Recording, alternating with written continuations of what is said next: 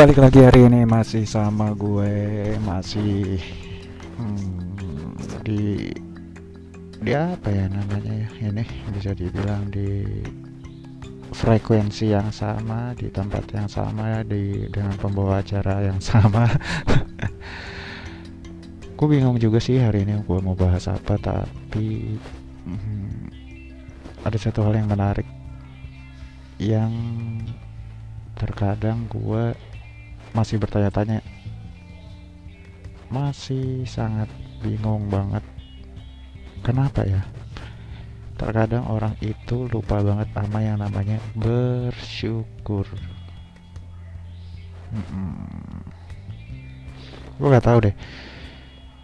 Gimana kalian yang pada dengerin ini nanti menyikapi kata arti bersyukur itu kayak gimana? Coba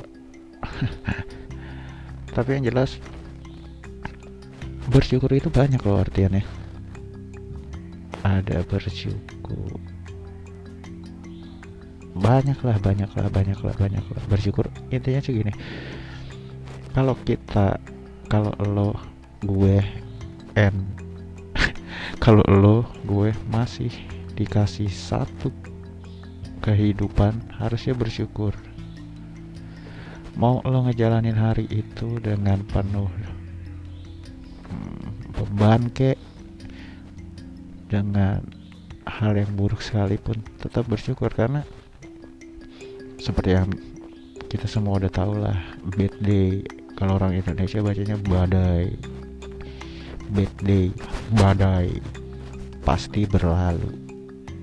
Jadi jangan pernah untuk lo terus bersyukur setiap harinya bersyukur lo masih bisa lihat orang tua lo bersyukur untuk lo masih bisa lihat anak istri lo atau suami lo bersyukur untuk setiap hal. Karena hanya dengan cara bersyukur aja hmm, gue yakin banget hari-hari lo akan penuh dengan warna.